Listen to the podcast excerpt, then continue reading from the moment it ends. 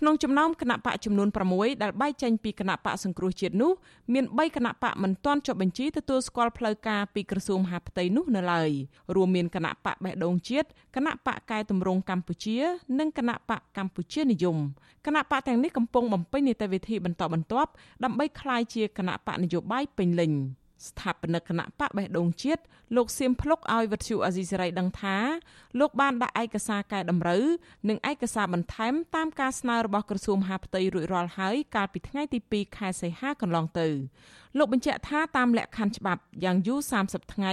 ក្រសួងមហាផ្ទៃត្រូវឆ្លើយតបថាព្រមឬមិនព្រមប៉ុន្តែបើមិនឆ្លើយតបមានន័យថាព្រមក្រសួងមហាផ្ទៃបានចេញលិខិតមួយច្បាប់ស្នើទៅស្ថាបនិកគណៈបកបេះដូងជាតិត្រូវតែបង្ហាញអត្តសញ្ញាណឬប្រវត្តិស្ថាបនិកគណៈបកចំនួន3នាក់ឲ្យបានច្បាស់លាស់និងត្រូវដាក់ឯកសារសេចក្តីសម្រេចបង្កើតគណៈកម្មាធិការបណ្ដោះអាសន្នគោលនយោបាយនិងកម្មវិធីនយោបាយមកក្រសួងមហាផ្ទៃត្រឹមរយៈពេល15ថ្ងៃជាកំហិតគិតចាប់ពីថ្ងៃទី23ខែកក្កដា ទោះសំណើទាំងនោះត្រូវបានគណៈបកនេះដាក់ទៅក្រសួងមហាផ្ទៃរួចរាល់ហើយក្តីប៉ុន្តែលោកសៀមភ្លុកសុំមិនទាន់ឲ្យដឹងពីឈ្មោះនិងជីវប្រវត្តិសហស្ថាបនិក3នាក់ទៀតដែលលោកបានផ្ញើទៅក្រសួងមហាផ្ទៃនៅឡើយទេជុំវិញករណីនេះវិទ្យុអាស៊ីសេរីមិនអាចសុំការបញ្ជាក់បន្ថែមពីអ្នកនាំពាក្យក្រសួងមហាផ្ទៃលោកខៀវសុភ័ក្របាននោះទេដោយប្រព័ន្ធទូរស័ព្ទរបស់លោកមិនដំណើរការ ដោយឡែកគណៈបកកែតម្រង់កម្ពុជារបស់ក្រុមលោកប៉ុលហំ និងលោកអ៊ូចាន់រតវិញគណៈបកនេះគ្រងដាក់ស្នាមមេដៃអ្នកគាំទ្រនិងឯកសារនាពេលខាងមុខ អតីតសមាជិកសភាគណៈបកសង្គ្រោះជាតិលោកអ៊ូចាន់រតដែលជាស្ថាបនិកគណៈបកកែតម្រង់កម្ពុជាប្រាប់វិទ្យុអាស៊ីសេរីថាលោកមិនទាន់បានដាក់ឯកសារលើកទី2ទៅក្រសួងមហាផ្ទៃនៅឡើយទេលោកថាគណៈបករបស់លោកក្រុងដាក់ឯកសារនិងស្នាមមេដៃអ្នកគាំទ្រជាង4000នាក់ទៅក្រសួងមហាផ្ទៃក្នុងសប្តាហ៍នេះ។ ខ្ញុំកំពុងតែរៀបចំនៅសម្អាតនាមវិដ័យនិងអត្តសញ្ញាណប័ណ្ណ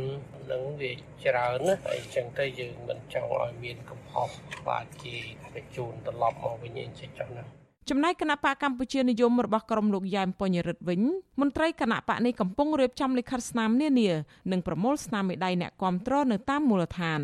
ស្ថាបនិកគណៈបកកម្ពុជានិយមលោកអ៊ុកអ៊ី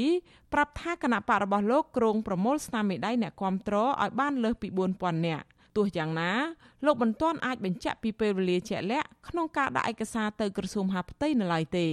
យើងអត់ទាន់បានកំណត់នៅឡើយទេកំពុងតែរងចាំប្រមូលស្នាមមេដៃនឹងឲ្យបានគ្រប់គ្រាន់មកសិនបកកណ្ដាលអំណាចតែងតែលើកឡើងដដែលដដែលថាការបើកគណៈបកថ្មីរបស់អតីតមន្ត្រីគណៈបកប្រឆាំង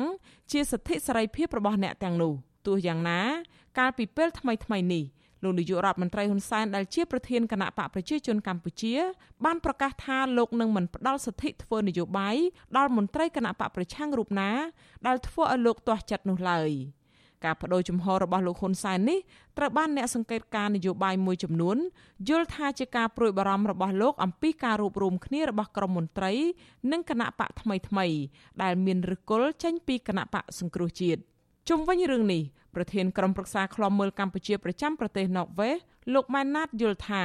ការចាក់ចែងរបស់អតីតមន្ត្រីគណៈបកប្រឆាំងដែលស្និទ្ធនឹងលោកកឹមសុខាហាក់ជាការបែកបាក់គ្នាប៉ុន្តែចំពោះការចាក់ចែងបង្កើតបកថ្មីរបស់មន្ត្រីគណៈបកប្រឆាំងដែលស្និទ្ធនឹងលោកសំរងស៊ីវិញលោកយល់ថានេះហាក់ជាយុទ្ធសាស្ត្រនយោបាយទោះយ៉ាងណាលោកជឿថាប្រសិនបើគណៈបកនយោបាយថ្មីដែលមានអធិបុល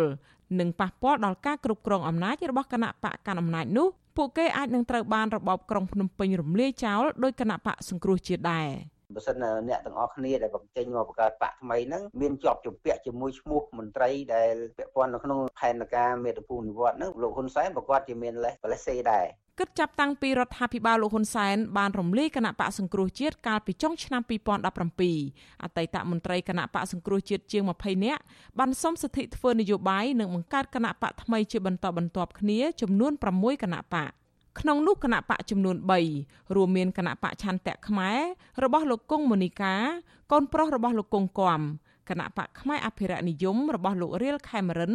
និងគណៈបកផ្នែកស្រឡាញ់ជាតិរបស់ក្រុមលោកជីវកតាទទួលបានសិទ្ធិពេញលេញក្នុងការធ្វើសកម្មភាពនយោបាយអស់ហើយចានាងខ្ញុំខែសុណងវັດឈូអាស៊ីសេរីរាយការណ៍ពីរដ្ឋធានី Washington